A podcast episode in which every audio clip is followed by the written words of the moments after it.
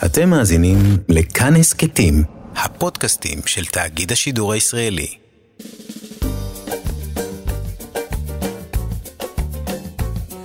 שישים החדש, עם איציק יושע. לחיות בגיל השלישי.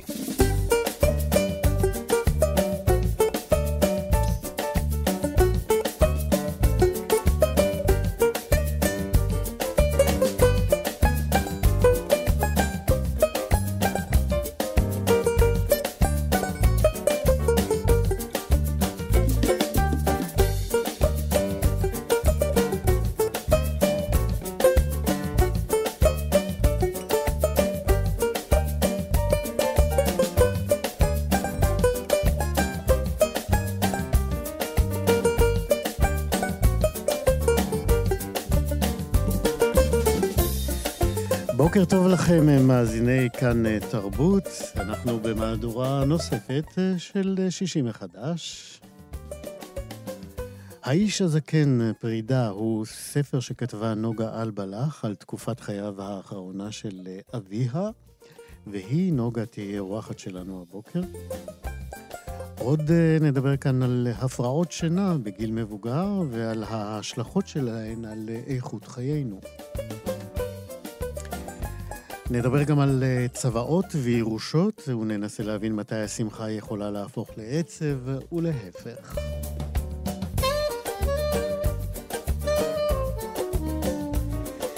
עוד אה, נציע לכם הבוקר מאגר אה, לאביזרים וגם מוצר אחד ביום, וכמו תמיד גם תהיה לנו מוסיקה. בצוות התוכנית שלנו הבוקר רות דוד אמיר בהפקה, חן עוז, טכנאית השידור. אני איציק יושע.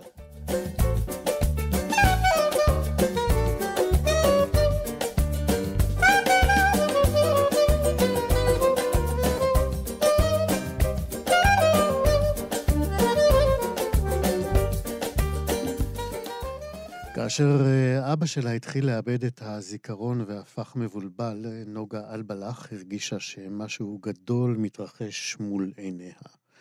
משהו שצלצל, אה, אפשר לומר, בפעמונים גדולים, והתריע שמה שהיה הוא לא מה שיהיה מעכשיו.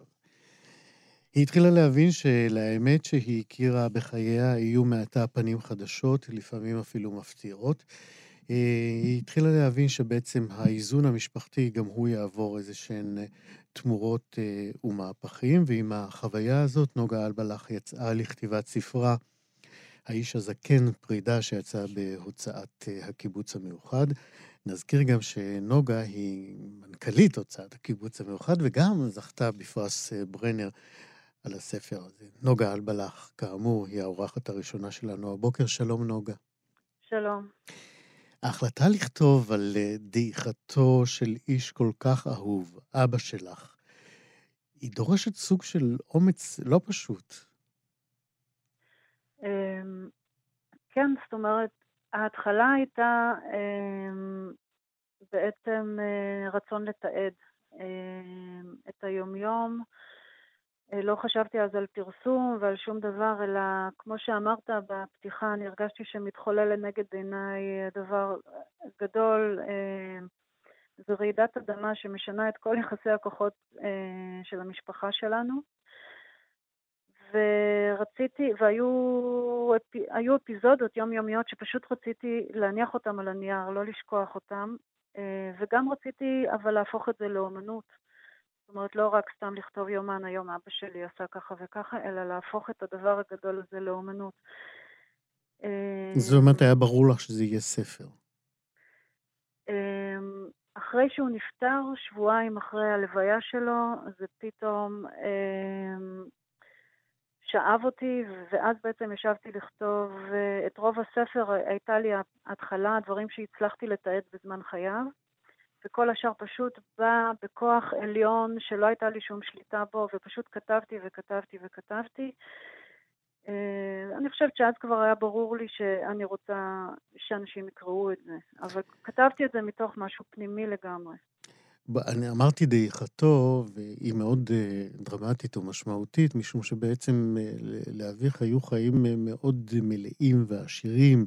נכון. והמעבר למצב שבו הוא מנותק מהתודעה שלו, הוא מאוד מדכדך, מאוד, מאוד מדכא, מאוד בעצם שם אתכם בתקופת פרידה מאוד מאוד ארוכה. נכון, למרות שבמקרה הספציפי שלנו כל זה קרה תוך פחות משנה עד שהוא הלך לעולמו. זה לא מעט זמן. על זה לא מעט זמן, אבל באמת יש אנשים שהתהליך הרבה יותר איטי וממושך, כולל 20 שנה, אמ, ובאמת לא רק אבא שלי, יש הרבה אנשים שעשו כל כך הרבה בחייהם, ו, אה, ופתאום הם, הם לא יודעים מי עומד מולם, אה, לא זוכרים מי הילדים שלהם. אה, זו טלטלה עצומה.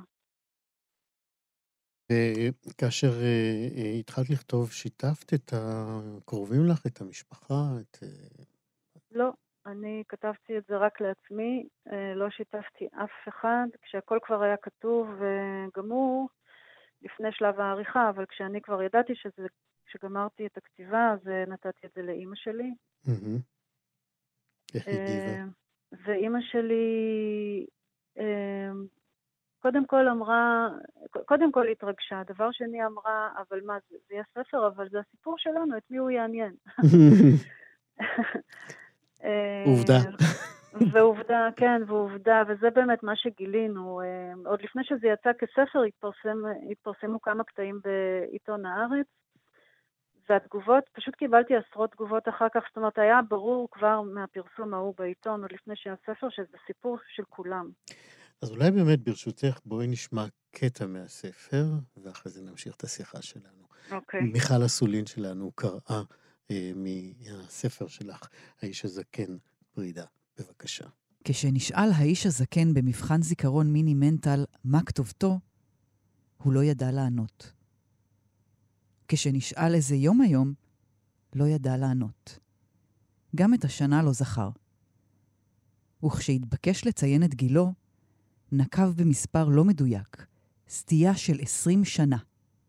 בתו של האיש הזקן ישבה לצידו, ורק אז הבינה את המצב לאשורו. רק אז, כמו שאומרים, נפל לה האסימון. מה תלוי פה על הקיר? הצביעה הבוחנת הצעירה על הקיר.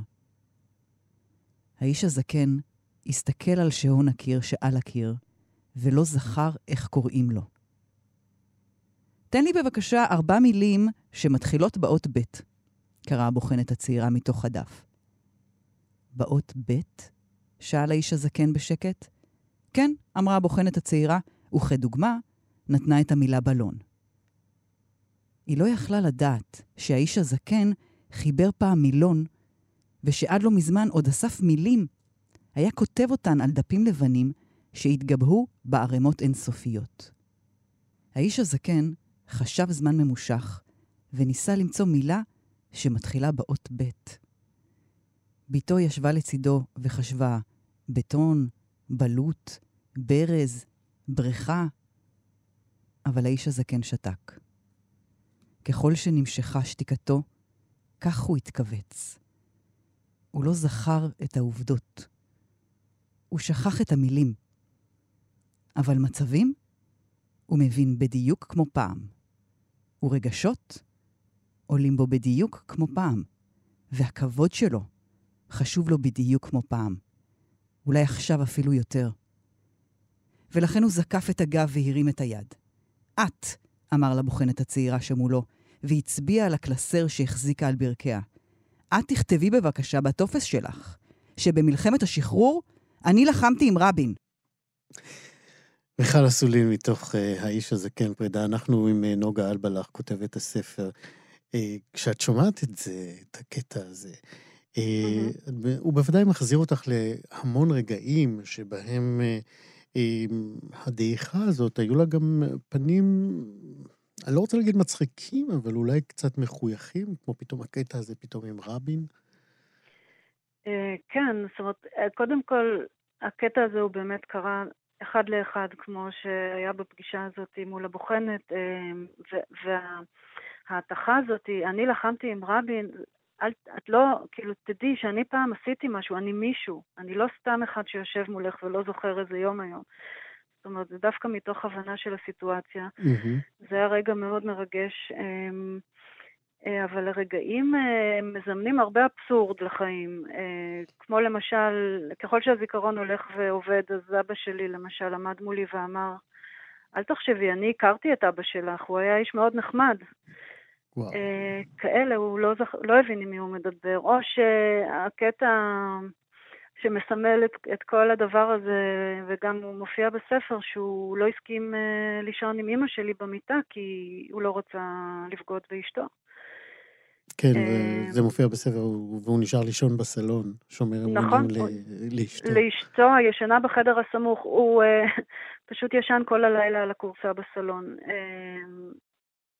זה אבסורד שכזה, כן. כן.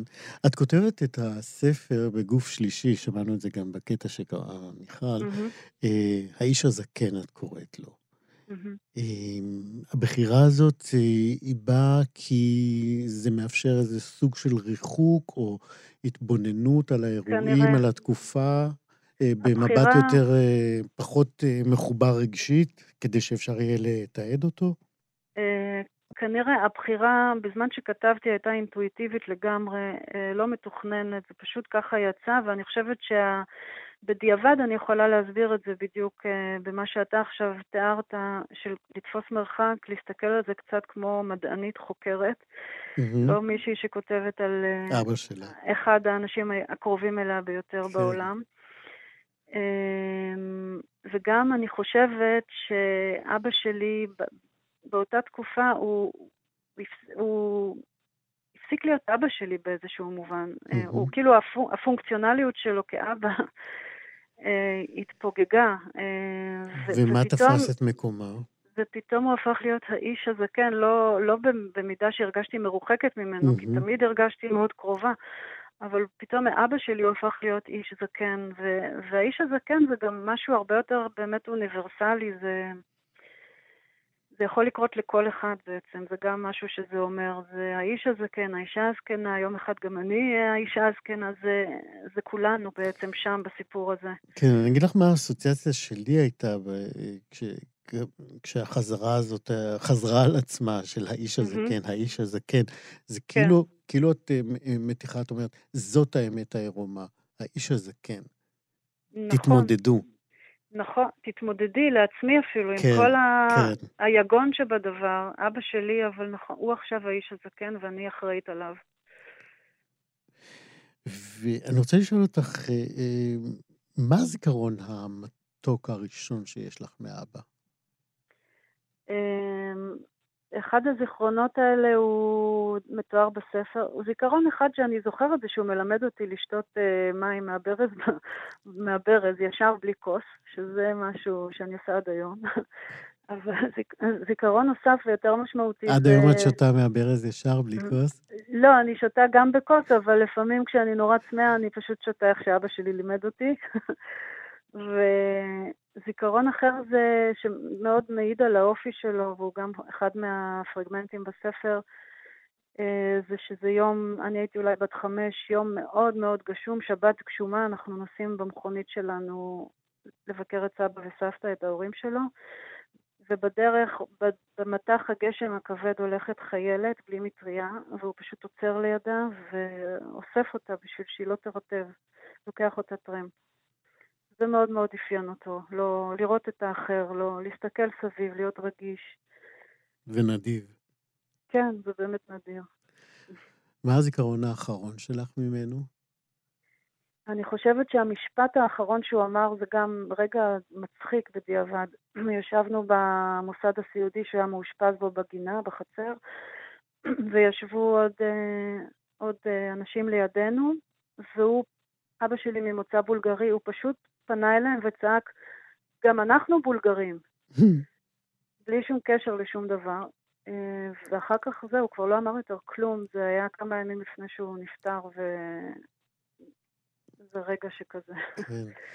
בתוך כל הרגעים הקשים האלה של הדעיכה, את מציינת ומספרת גם בספר שהיו רגעים של איזה סוג של קוהרנטיות, של צלילות, של אמ, חיבור למציאות. אה, באחד הרגעים האלה אפילו אה, אימא שלך אה, נאחזת בזה, באיזה, כאילו זה, זה קרש הצלה, נכון. ואפילו קוראת לו בשמו, זו פעם ראשונה שהשם שלו מופיע בספר, והוא לא האיש הזקן. נכון.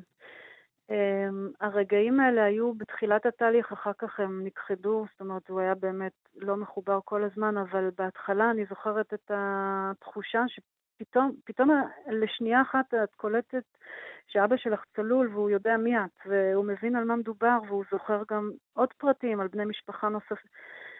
זה פשוט, זה, וואו, כאילו זכיתי בו שוב, זה, זה רגע אדיר, זה התרוממות רוח שכזאת, אבל אחר כך... אה, מגיעה אכזבה כגודל השמחה. כן, מהר מאוד זה חוזר, כן. כן. עם, היו רגעים במהלך הכתיבה, או עם השלמת הכתיבה, שהיו לך מחשבות שניות על עצם הפרסום של הסיפור? היה, היו רגעים ש... שחשבתי איך אני מרשה לעצמי בכלל לחשוף אותו ככה. זאת אומרת, אני לא, אפילו לא ביקשתי ממנו רשות. כן. הוא היה אדם כל כך פרטי, וגם היו לו דעות משל עצמו, ו... והאם אני לא מביישת אותו, אני מספרת על, על כל פועלו ועל ההיסטוריה ואיזה איש נפלא הוא היה, אבל אני גם mm-hmm. מספרת עליו ברגעים די מביישים, אפשר לראות אותם כמביישים. אבל אני לא, אני לא שקעתי בזה, כי אני חושבת שהם לא מביישים באמת. אומרת, זה העניין, זה האיש הזקן, זה כולנו. זה כן. יכול לקרות לכולם. וגם הדברים כתובים באהבה, וקשה נכון. לטעות בהם. נכון. אמ, לקראת סיום השיחה שלנו, אני רוצה לשאול אותך, אה, כל אחד עובר אה, מצבים כאלה בדרכו ועל פי דרכו ועל פי יכולותיו. כן. אה, אם בכל זאת מישהו היה שואל אותך, יש לך איזה טיפ איך עוברים את התקופה הזאת? דבר אחד היית יכולה לומר לו? אמ, אני, זאת אומרת, לא, להרג... לשמור על הקרבה, זאת אומרת, mm-hmm. לא לחשוב שזה איש אחר, זה לא איש זר. Mm-hmm. זה, זה עדיין האיש שאנחנו מכירים איפשהו בתוך תוכו, הוא אולי מרגיש גם את הקרבה הזאת ואת כל מה שאנחנו נותנים לו ברגעים האלה. אה, וגם אמר לי רופא שעשה איזו הדרכה פעם, אה, הוא אמר לקבוצה, הוא אמר, אמ, ללטף את הכלב עם כיוון הפרווה. זאת hmm. אומרת, לא, זאת אומרת, יש דברים הרי אבסורדים, ולא להתנגד לזה, לזרום איתו. כאילו, להגיד לו, נכון, אתה צודק, עם כל הבלבול, נכון, אתה צודק, ולעשות את מה שאנחנו מבינים אחרת. יפה. ולא לשכוח שזה אבא שלנו, או אימא שלנו. לגמרי.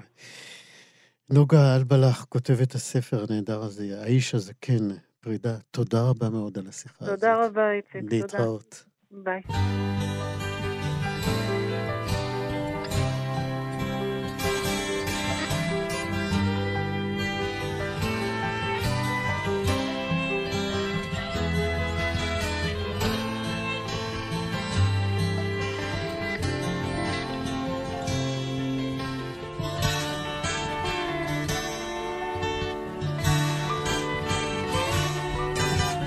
אדם זקן יש לו בחייו? הוא קם בבוקר, ובוקר כבר לא קם. הוא מדשדש אל המטבח ושם המים הפושרים יזכירו לו שבגילו, שבגילו אדם זקן, מה יש לו בבקרה? הוא קם בבוקר קיץ וכבר סתם נמהל בערב בנורות חברון ממסעו במסדרון הוא טרם שב כי שם הוא עוד חשב חשב חשב לעשות אתה ומה לקרוא, אדם זקן. זקן,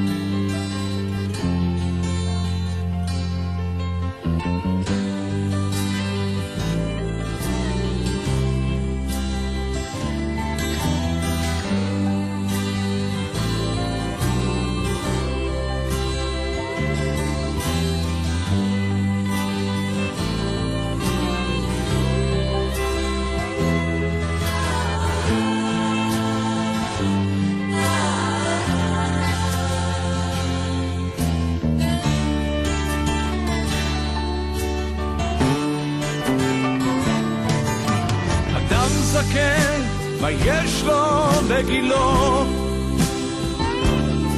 הוא מנמנם, כי הוא פוחד לישון. עיניו פקוחות למחצה, מנחשות לפי תנועת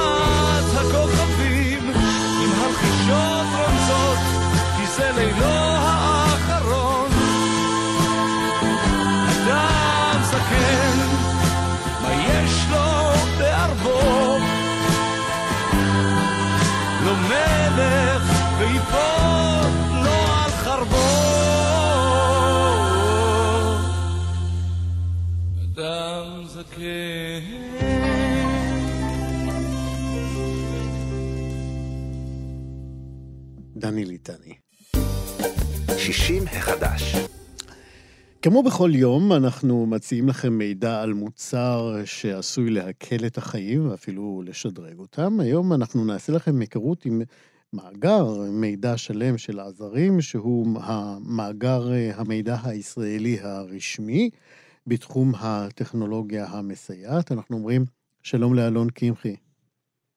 בוקר טוב, איציק. אתה מנכ"ל עזרים דיגיטל, שמנהלת את, ה, את מאגר המידע הזה, עזרים, נכון? נכון. מהו בעצם המאגר הזה? אה, מאגר, מאגר המידע הזרים הוא בעצם אה, מאגר אה, שמיועד לתת מידע אודות טכנולוגיה מסייעת. אתה יודע מה זה טכנולוגיה מסייעת? אתה מכיר את המושג טכנולוגיה מסייעת? אתה תכיר לכולנו עכשיו את המושג הזה. אוקיי. טכנולוגיה מסייעת זה בעצם כל האמצעים שאביזרים, ציוד, אה, מחשוב וכיוצא בזה, שמטרתם היא לסייע בתפקוד ולהקנות עצמאות. מהמם. למשל, אמצעים להגדלה של הכתב שמסייעים אה, בקריאה, אה, אמצעים אה, שמאפשרים לשמוע את הטלוויזיה יותר טוב, כן. אמצעים שמסייעים אה, לקום אה, מהכורסה או, מה, או מהמיטה. אה, ובעצם כשאדם אה, זקוק לאיזושהי, אה, אה, לאיזשהו פתרון, אה, הוא צריך למצוא אותו, הוא אה, צריך לחפש אותו. לצורך זה הוקם אה, מאגר המידע הזרים. הוקם על ידי עמותת אה, מלבד, בשיתוף עם, אה, עם הג'וינט ומשרד הבריאות ועוד גופים. מה הוא כולל, המאגר- המ- המאגר הזה? לא, מטרת המאגר היא בעצם להנגיש את המידע אודות הטכנולוגיות, המוצרים, הפתרונות, בצורה ברורה ו- ומאורגנת, ולאפשר לכל אחד למצוא בקלות איפה אפשר להשיג את, ה- את האביזה. המאגר כולל מידע אודות אלפי מוצרים, באמת זה מאגר מאוד מאוד גדול ומאוד מאוד נרחב, בכל, אה, בכל אה, תחומי התפקוד האפשריים. איך זה, זה, אה, איך זה. עובד? אני ניגש ל- ל- כותב ללשונית של החיפוש, ואני אומר כאבי גב. אז זהו, אתה כותב עזרים בגוגל. קודם כל, אתה נכנס ל- לתוך המאגר, המאגר, כן. אנחנו כבר בפנים. מה אני. אז מחפש? יש, יש שם, יש שם אה, לשונית כזאת של אה, מוצרים ו, וספקים, אתה נכנס, יש שם 20 קטגוריות של אה, תחומים שונים, אתה בוחר בקטגוריה, בקטגוריה שבה אתה מחפש את הפתרון, אה, ואז אתה כבר מתחיל לקבל אה, תוצאות חיפוש. אתה יכול לסנן אותם לפי תתי אה, קטגוריות, למשל, אה, כיסא גלגלים ממונע, כיסא גלגלים ידני, הליכון עם שלושה גלגלים, הליכון עם ארבעה גלגלים, אה, וכולי וכולי. במקביל אתה יכול לסנן גם את המידע באמצעות כל מיני תכונות שהן אה, רלוונטיות לאותו, אה, לאותו מוצר, ואז אתה נכנס לדף של המוצר. בדף של המוצר אתה יכול לראות תמונות, אתה יכול לראות סרטונים, אתה יכול לראות דפי מידע, וחשוב מכל, הקישור, קישור ישיר לספק ש, שמשווק אותו, שם אתה יכול לקבל עוד מידע. אה, איך אני אדע. שהספק הזה הוא אכן אה, אמין ויעיל? אנחנו, תראה, אנחנו בוחרים אה, את ה... אה, אנחנו מוודאים, זה לא, זה לא נכון לומר שאנחנו בוחרים, אנחנו מוודאים אה, אה, שהספקים שנמצאים במאגר זה אה, ספקים איכותיים שמביאים ציוד אה, איכותי, בחלק מהמקרים יש צורך לעמוד אה, אה, בתקנים. המאגר הוא פתוח לכולם. אתם מעבירים אותם איזשהו אה, מבחן, או הם צריכים לעמוד באיזשהם קריטריונים כדי להיכנס למאגר הזה, להמלצות שלכם? לא, המאגר הוא מאגר מידע, הוא כולל את כל הפתרונות שקיימים אה, אה, בשוק, שקיימים אה, במשק.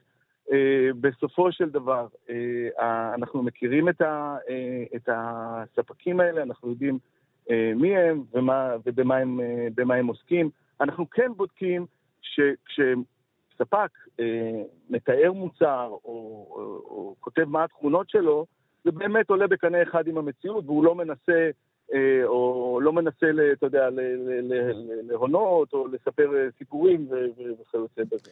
היו כאלה שהרחקתם מהאתר? נכון לעכשיו, לא. לא. כולם לא. נחמדים וטובים ואמינים. כולם נחמדים וטובים ואמינים, כולם... אני סתם מנסה לקטרג, אני בטוח שהכוונות טובות. כן, כן, לתת את השירות הטוב אה, ביותר שהם, אה, אה, יכולים. תראה, אנחנו יודעים שהאוכלוסייה שמשתמשת במאגר, היא זקוקה למידע נגיש ופשוט וקל, ובעצם המאגר מאפשר השוואה, השוואה בין, בין מוצרים, גם מבחינת האיכות שלהם, מאיפה הם מיובאים, אה, מה, מה המאפיינים שלהם. כן, אני חושב... אה, אנחנו לא מפרסמים אה, מחירים באתר, אנחנו גם לא מוכרים באתר, האתר הוא, לא, כן. הוא לא אתר מכירתי, כן. אין לנו גם אף, אין לנו הסכמי מכירה עם אף ספק, המאגר הוא באמת מאגר מידע נקי מהבחינה הזאת, אנחנו גם חלק מרשת של מאגרי מידע עולמית.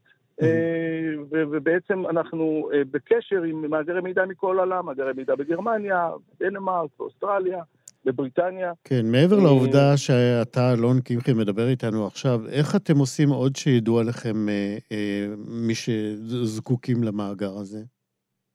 אז תראה, יש לנו, אה, אה, במאגר עצמו יש אה, מאגר תוכן של מידע, מאמרים, כתבות, בנושאים רבים ומגוונים.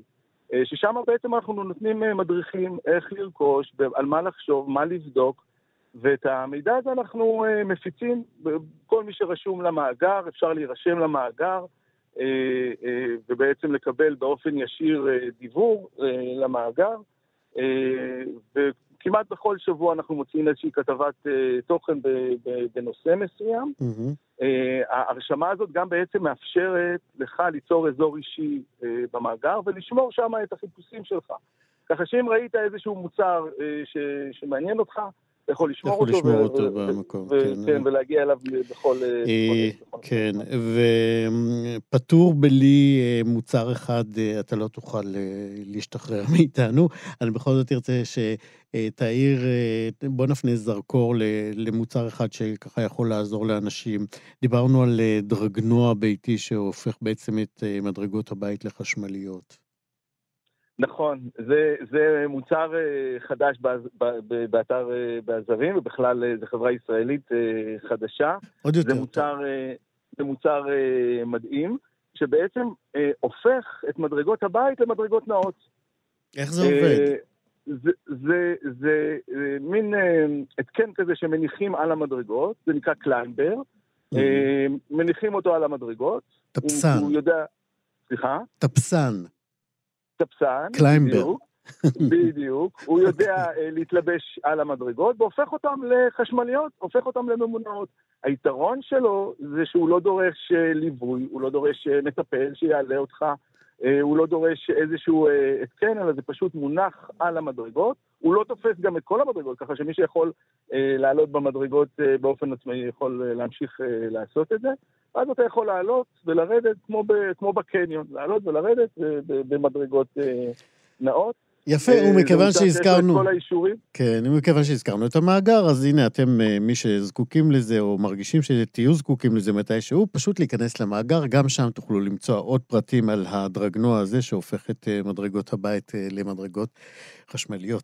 אלון קמחי, נכון. מנכ"ל עזרים דיגיטל, תודה רבה על השיחה הזאת. תודה רבה, איציק. כל מה שצריך לעשות זה לכתוב בגוגל עזרים, להיכנס לתוצאה הראשונה שמגיעה ולהתחיל לחפש. אנחנו גם מפעילים מוקד טלפוני, חשוב לי לומר, איציק. אוקיי, במידה ואתם בקצרה. רוצים להתייעץ או לשאול, אה, מספר הטלפון שלה, אה, שלנו מופיע בראש הדף, בראש כל דף. אה, מעולה. פשוט להיכנס, לבדוק, אוקיי. ואם צריך להתייעץ. אלון קמחי, מנכ"ל הזרים, תודה רבה לך. יופי, תודה רבה איציק, ושיהיה יום נפלא. 60 החדש. בואו נחזור על נתון שידוע בעצם לכולנו. כל אדם סביר מבלה בערך שליש מחייו בשינה. ולשינה, גם זה די ידוע, יש ערך מאוד מאוד משמעותי וגם השפעה מאוד ברורה על איכות חיינו בשעות שבהם אנחנו ערים ומתפקדים, כמובן כל אחד על פי מצבו הגופני. אה, מה שאנחנו יודעים עוד שעם התקדמות הגיל, רבים מאיתנו נתקלים בתופעה שמשבשת דווקא את איכות החיים, ואני מדבר כמובן על אה, הפרעות שינה, אם אנחנו מדברים על שינה. להפרעות האלה יש אה, גם כמובן דרגות חומרה שונות, וגם דרכי הטיפול בהן, גם הן שונות אה, ומגוונות. הפרופסור איריס חיימוב היא ראש המעבדה לפסיכוביולוגיה בחוג לפסיכולוגיה שבמכללה האקדמית אה, עמק יזרעאל. ובעזרתה של אה, פרופסור חיימוב אנחנו ננסה להבין את התופעה וגם נלמד קצת על דרכים להתמודד איתה. שלום פרופסור חיימוב. שלום וברכה. אז אנחנו מדברים על נדודי שינה בעצם. כן, אז באמת, כמו שאמרת בפתיח, mm-hmm. אנחנו לרוב לא חושבים על כך, אבל אם בממוצע אנחנו ישנים אה, שמונה שעות בלילה, אז באמת אנחנו ישנים שליש מהיממה. את ממש אופטימית עם הנתון הזה. כן, תכף נראה מה קורה. אז אם אנחנו בממוצע חיים 90 שנה, אנחנו 30 שנה מבלים בשינה. איזה כיף. כן. אני רוצה, לפני שאנחנו ממש נכנסים לעומק השיחה, כן. אולי באמת בואי נסביר אה, אה, בצורה פשוטה, למה חשוב לישון בכלל? מה, מה החשיבות של השינה? ו, ותגידי לנו את, כמה המדענים באמת מבינים עד הסוף את החשיבות כן. של אה, התקופה הזאת ביום? אז באמת... המכונה חד... בלילה. כן, המחקר השנה הוא יחסית מחקר חדש, ככה נגיד מה-80-100 שנה האחרונות, אה, וכל שנה נוספים מחקרים חדשים ומידע חדש על איכות ומשמעות ותפקוד השינה. וכבר היום אנחנו יכולים להגיד שהשינה, איכותה, משכה, מיקומה, הזמן שבו אנחנו ישנים, משפיע כמעט אה, על כל אחד מההיבטים אה, של התפקוד שלנו, ואני אנסה ככה לפרט. דוגמה מבחינה קוגניטיבית. היום אנחנו יודעים, ויש הרבה מאוד מחקרים שמוכיחים את זה, שהדרך היחידה לבנות את הזיכרון ארוך טווח שלנו אה, זה לישון טוב ולחלום טוב. זאת אומרת, אם עכשיו אתה, איציק, אה, מקשיב לשיחה שלי, להסבר שלי, mm-hmm. וזה מעניין אותך, ואתה mm-hmm. מבין מה שאני אומרת, ואתה מקודד את זה, אם עוד חמש דקות אני כן. אשאל, כן, תכף אני אעשה בוחן פתע, אם עוד עשר דקות, בסוף התוכנית אני אשאל אותך מה אמרתי, ותדע להסביר לי, זה זיכרון קצר טווח. Mm-hmm. אבל אם מחר בבוקר אני אעשה הפתעה ואגיע לאולפן, ואני אביא דף ועט ואני אשאל אותך, איציק, מה הסברתי, ותדע לחזור על הדברים שאמרתי בתוכנית, זה אומר שזה כבר נמצא בזיכרון ארוך. אני יכול לחסוך לך, אל תבואי. לא בטוחה. אה, אבל כל מי שיזכור מחר בבוקר, זה אומר שזה כבר מקודד אצלו לזיכרון ארוך טווח, גם עוד חודש, גם עוד שנה הוא ידע את הדברים האלה. אה, הדרך היחידה לבנות זיכרון ארוך טווח זה לחלום על מה שמעניין אותנו במשך הלילה. זאת אומרת, בלילה אנחנו בונים חלבונים חדשים, וככה לומדים מידע חדש. זאת אומרת, השינה היא קריטית ללמידה שלנו, לזיכרון שלנו. כדי ללמוד טוב, צריך לישון טוב. אנחנו רואים את זה למשל לתינוקות. תינוקות ישנים המון במהלך היום, כי הם נחשפים להמון גירויים חדשים, הם אוספים מידע חדש, ישנים, חולמים, מפנימים, וקולטים גירויים חדשים. אנחנו יכולים לאסוף גירויים כל היום, לחלום עליהם בלילה וליצור אה, אה, מערכת קוגניטיבית חדשה, או להוסיף על המערכת הקיימת. Mm-hmm. ולכן מאוד חשוב לישון טוב ולישון רצוף כדי לשמר את הלמידה, ואנחנו גם מכירים את זה כשאנחנו לא ישנים טוב בלילה. נכון. למחרת אנחנו עייפים. אז לא בואי נבדוק באמת, כן, בואי נבדוק מה, אה, ככל שהגיל אה, מתקדם, רגע, אבל אני רוצה רק להגיד עוד אה, כמה כן, מילים כן, על עוד כן, מערכות. אוקיי. המערכת החיסונית, אנחנו כל כך מפחדים עכשיו מקורונה ולא נכון. מפסיקים לדבר עליה. המערכת החיסונית שלנו עובדת בעיקר בלילה. כדי להחלים צריך לישון, אנחנו מכירים את זה כשאנחנו נדבקים בחורף בשפעת. או באנגינה, בחיידק, הדבר הראשון שבא לנו לעשות זה להיכנס מתחת לפוך ולישון טוב. אבל ילדים רואים את זה, הם יכולים לפתח חום מאוד גבוה, להיכנס, לישון הרבה מאוד שעות, לקום בבוקר בריאים, בלי שנתנו להם תרופה. Mm-hmm. זאת אומרת, מערכת החיסון עובדת בלילה, אנחנו צריכים לישון טוב כדי להחלים, ואנשים שלא ישנים מספיק יותר חשופים לזיהומים ולמחלות. כנ"ל המערכת המטבולית שלנו. היום אנחנו יודעים שחילוף החומרים, ההורמונים שאחראים על חילוף החומרים, מופרשים בעיקר בלילה.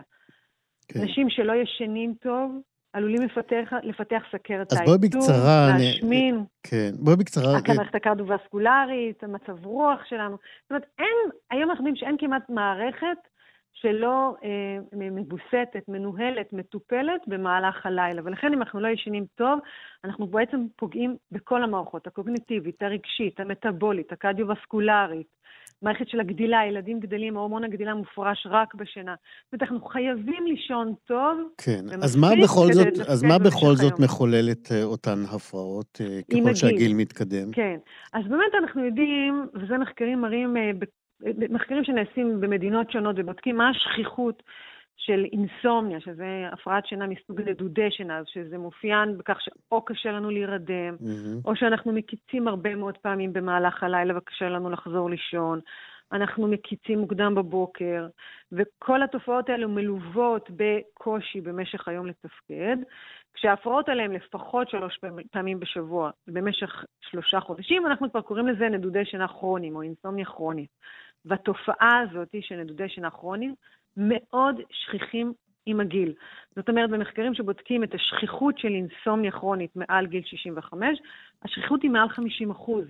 זה המון. זאת אומרת, שני אנשים, מתוכם אחד... ולכן יהיה... אנחנו. מכירים את התופעה שהרבה מאוד אנשים אה, שסובלים מאותה אה, אינסומניה כרונית, אני יודע, הם אה, צורכים תרופות כדורי נכון, שינה, כן. נכון. אז באמת השאלה אגב, היא... אגב, את בעד או נגד?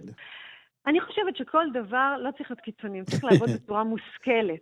קודם כל okay. אוקיי. צריך, ברגע שאנחנו מבינים, ידע זה כוח. ברגע שמבינים מה גורם להפרעות השינה ומנסים לשנות את זה, אז הרבה פעמים אפשר לחסוך את הטיפול בכדורי שינה. זאת אומרת, קודם כל ברור לנו שצריך לטפל בהפרעות שינה. אי אפשר להגיד, עם הגיל אנחנו ישנים לא טוב, ושמים את זה בצד. ומה האופציות? למשל, לא. יש טיפולים התנהגותיים במקום כן, תרופות? כן, אם אנחנו מבינים מה גורם. למשל, אם אנחנו אומרים שה... שככל שאנחנו לומדים יותר, אנחנו צריכים לבנות את מערכת הזיכרון. זה אומר שלחץ של למידה יגרום לנו לשינה, או לחץ של ספורט יגרום לנו לעייפות. אז הרבה פעמים עם הגיל, אה, מכל מיני סיבות, מהלך החיים הוא יותר מונוטוני, פחות מאתגר, גם לא פיזית וגם לא מנטלית או קוגניטיבית. ולכן אנשים שמאתגרים את עצמם קוגניטיבית, לומדים, קוראים, חושפים את עצמם לגירויים חדשים, נוסעים לטייל בחוץ לארץ, בארץ, מאכלים חדשים. כל גריעה קוגניטיבית חדשה תגרום ללחץ לשינה. פעילות ספורט, ככל שנעשה יותר ספורט, נלך, אמ, נהיה בחדר כושר, נעשה פילאטיס, יוגה, לא משנה, נאתגר את הגוף שלנו מבחינה גופנית ונצבור עייפות, נישן יותר טוב בלילה. היום אנחנו יודעים שכדי לישון... ואחת ההמלצות שלך גם, אה, בסירתנו המוקדמת, כן. אמרת, אה, לישון טוב בלילה, זה אומר לישון פחות בצהריים. נכון. כדי להגיע... חסל סדר שלפשטונדה. זהו, או מושכל. שוב, הכל צריך להיות מושכל. זאת אומרת, אם אנחנו יודעים שעם הגיל השינה נהיית יותר פריקה, יותר שבירה, יותר קשה לנו לשמור אותה, אז אנחנו צריכים לטפל בה בצורה עדינה. למשל, שלפשטונדה זה דבר נהדר. שנת צהריים, היום אנחנו יודעים, היא דבר מאוד טוב. אבל עם הגיל, בגלל שהלחץ לשינה, הכוח, היכולת לישון קטן, אם נישן שעתיים, שלוש בצהריים, אין שום סיכוי שנישן בלילה. לכן, או לוותר על שנת צהריים, או ללכת לישון עם שעון מעורר לעשר דקות, חצי שעה, לא יותר. Mm-hmm. זאת אומרת, לא להחליף עם שנת הצהריים את הלילה. עכשיו, דרך אגב, למה הרבה פעמים עם הגיל אנחנו ישנים מאוד טוב בצהריים ולא בלילה?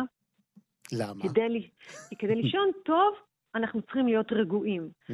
המוח שלנו, כדי לאפשר למוח לישון שינה עמוקה, לשנות את גלי המוח, אנחנו צריכים בערך עשר דקות להיות בגלים מסוג אלפא. בגלי האלפא, מי שעושה מדיטציה, מי שעושה...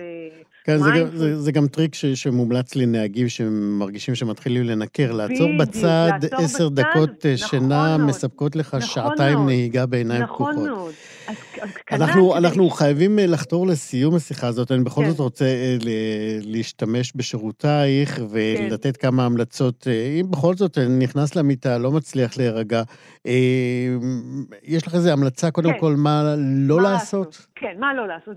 זו גישה נכונה. אוקיי. okay. כן. אז קודם כל, היום אנחנו יודעים שמרבית האנשים בכל הגילאים, שזה דבר לא, מאוד לא חינוכי ומאוד לא בריא ומאוד לא טוב, נכנסים למיטה עם פלאפון, עם mm-hmm. טלפון נייד. זה גרוע בהרבה מאוד היבטים. דבר ראשון, המכשירים, מכשירי המדיה, הטלפון, הטלוויזיה, המחשב הנייד, האייפד, מקרינים אורכי גל, שביניהם אחד מאורכי הגל זה אורך גל כחול, אורך גל קצר. Mm-hmm. מבחינת המוח, ברגע שאנחנו מסתכלים על הטלפון והעין קולטת את האורך הגל הכחול, מבחינת העין עכשיו יש שמש בחוץ, והיא מפסיקה את הפרשת מלטונין. זאת אומרת, להעיף את ההורמון- הטלפון הנייד מהשידה שעל יד המיטה. לגמרי, לגמרי, לקנות שעון מעורר עם בטריות ולהתעורר משעון מעורר, להטעין את הטלפון עם דלת סגורה, לא להיות חשוף לקרינה של הטלפון, לא להתפתות, לפתוח אה, וואטסאפים. עכשיו אני מבין למה אני. לא ישן. הנה, באמת, זו המלצה כל כך פשוטה, שהיא חשובה לילדים, למבוגרים וגם לאנשים מבוגרים, להוציא החוצה לחלוטין את המחשבים הניידים, את האייפדים, את הטלפונים, מחוץ לדלת. יפה, אז לא הוצאנו את האייפדים והטאבלטים נכון. והאייפונים. את נכון. אומרת עוד משהו, את אומרת, לא להתאמץ להירדם. נכון אז מה מאוד. כן? אנחנו צריכים להגיע לגלי אלפא. אנחנו צריכים, אם אנחנו נשב במיטה ונחשוב לישון, לישון, לישון, שום סיכוי שיהיה לנו גלי אלפא, אנחנו בעוררות, אנחנו בגלי בטא. כל אחד צריך למצוא את הטריק במרכאות, איך להירדם. אם אני נרדם, אנחנו עשינו הרבה מחקרים למשל על מוזיקה. מוזיקה היא דבר שמאוד מרגיע ומשפיע על המוח, הוא עוזר להיכנס לגלי אלפא. לישון עם מוזיקה. לישון עם... אה, אה, אה, כל דבר שמרגיע אותנו, ללכת לישון איתו. אתה יודע, אנשים נרדמים מול הטלוויזיה. כן. איריס, ושני- אנחנו חייבים אה, לסיים. אני מבטיח לך שאנחנו נחזור לדבר על השינה ועל ההפרעות שלה ועל נדודי השינה, כי בטוח יש לך עוד כהנה וכהנה טיפים והמלצות ומחקרים שהולכים ונערמים. אנחנו כן. אה, פשוט אה, חייבים לסיים את השיחה הזאת. אני מאוד מודה לך, בשמחה. פרופסור איריס חיימוב, כן, ראש ו- המעבדה לפסיכוביולוגיה, בחוג לפסיכולוגיה במכללה האקדמית עמק יזרעאל. כן, מילה לסיום. לא, שינה טובה, שינה טובה אה, מאפשרת נכון. לנו אורח חיים טוב, ואורח חיים טוב מאפשר לנו שינה טובה. אז הנה, יש לנו... לחיות נכון ולישון טוב. בשביל זה יש לנו את שלמה גרוניך, נדודי שינה. כן. תודה רבה. בשמחה. להתראות. יום טוב, ביי ביי.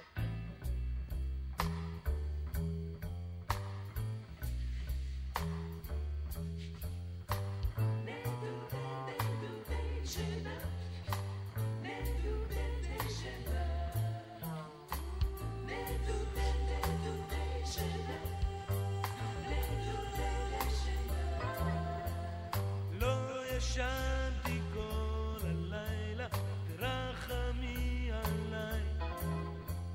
לא רואה על העיניים, תסתכלי עליי.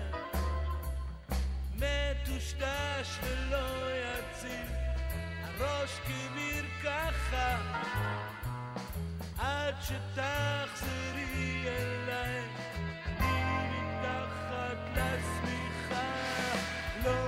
לא ישנתי כל הלילה, שמעתי רעמים.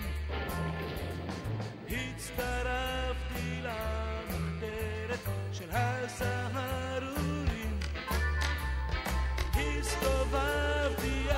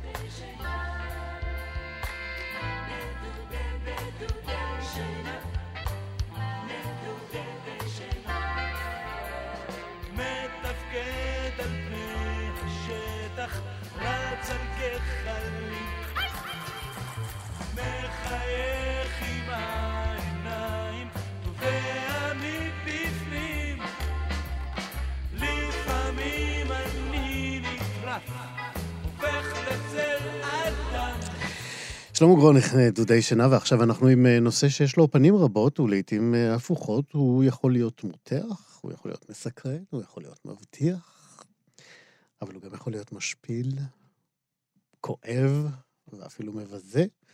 הכל תלוי מה כתוב בנייר הזה שמונח אה, לפנינו, ובעיקר במי שכתב אותו. אני מדבר על צוואות. מסמך שרבים מאיתנו נדרשים לו בערוב ימינו. הואיל ואין אדם יודע את פקודתו, אריכות ימיו ושנותיו. במשפט הזה נפתחות לא מעט צוואות, וזאת הסיבה הטובה מאוד לדבר על הנושא הטעון והמורכב הזה. שלום לעורך דין אורי חפץ. שלום וברכה. אתה מומחה לצוואות ולירושות. כן. תגיד, חייבים לכתוב צוואה? לא. אוקיי. אה, למעשה, חוק הירושה קובע כיצד יתחלק אה, רכושו של אדם שנפטר. רק אם אה, אנחנו רוצים לסטות מהכללים שקובעים בחוק, רצוי שאותו אדם... כן, מה, קובע החוק אם אין צוואה? בהנחה שמדובר באדם נשוי שיש לו ילדים, לדוגמה, mm-hmm. החוק קובע שמחצית מרכושו אה, תועבר לאלמנה, והמחצית השנייה תתחלק באופן שווה בין ילדיו. Mm-hmm. ואז זה כאשר אה, אה, הוא נפטר והאלמנה נשארת עם הילדים, אה, יש חובה לחלק את הרכוש בין האלמנה לילדים, או צריך לחכות שגם היא תלך לעולמה? לא, לא. אם אין צוואה, צריך לחלק את הרכוש אה, בין האלמנה לבין הילדים.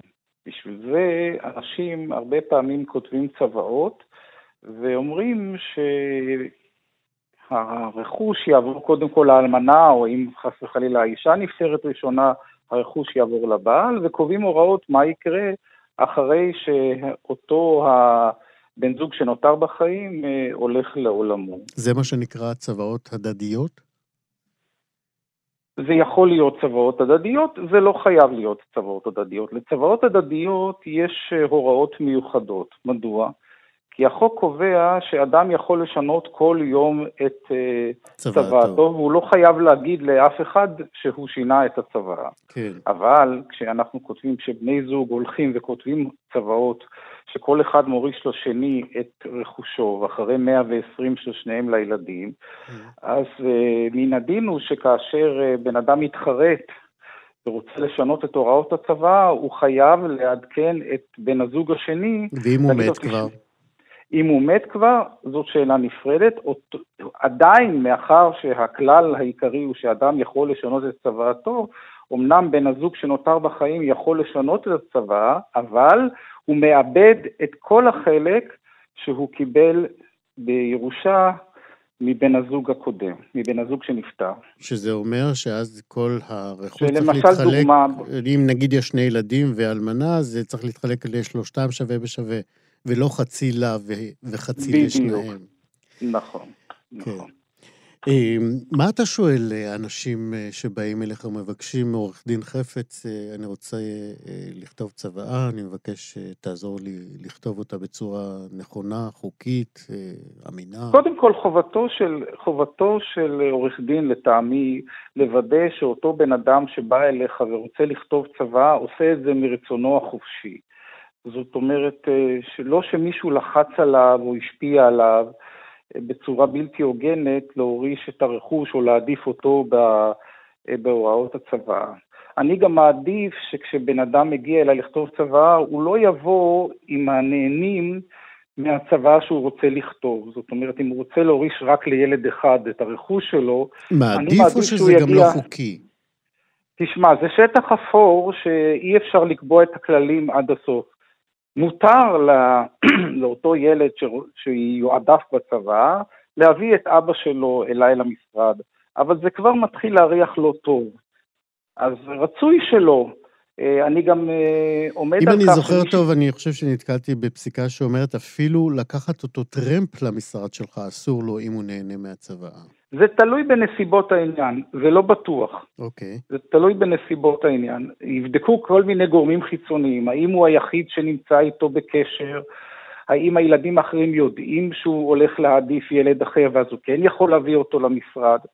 אני גם אה, מאוד מקפיד על זה שמי שישלם לי שכר טרחה לעריכת הצוואה זה המוריש עצמו ולא אותו נהנה. כן, כי זה אה, פותח פתח ל... מה, מה הם אה, שואלים אותך כשהם אה, באים לעשות צוות? אה, מה כדאי, או האם צריך לנהל, למנות מנהל עיזבון? תראה, מה שמטריד בדרך כלל הרבה מאוד אנשים, זה שהילדים לא יריבו אחרי, אחרי 120. הם רוצים לוודא שההוראות הן פשוטות וניתנות ליישום בלי יותר מדי ויכוחים.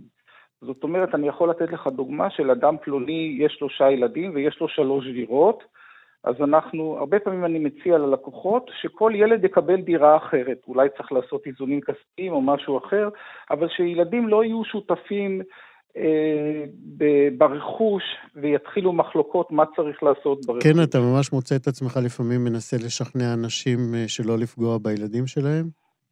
כן, אני, אני מאוד מנסה, זה, זה העמדה של המשרד שלנו, לבדוק האם באמת שכל הילדים מקבלים שווה בשווה, או מעדיפים ילד אחד על פני אחרים, ואני אז בודק מה הסיבה. ואני מנסה להגיד להם שאם הם רוצים שהילדים ישמרו על יחסים טובים ביניהם... הם לא יודעים את זה? הם צריכים אותך כדי לדעת שהעדפה של אחד אה, פותחת פתח למריבות אינסופיות? אה, אני אומנם עורך דין ולא פסיכולוג, אבל אני הגעתי למסקנה שאנשים לא לוקחים את זה בחשבון. עד כדי כך אטומים.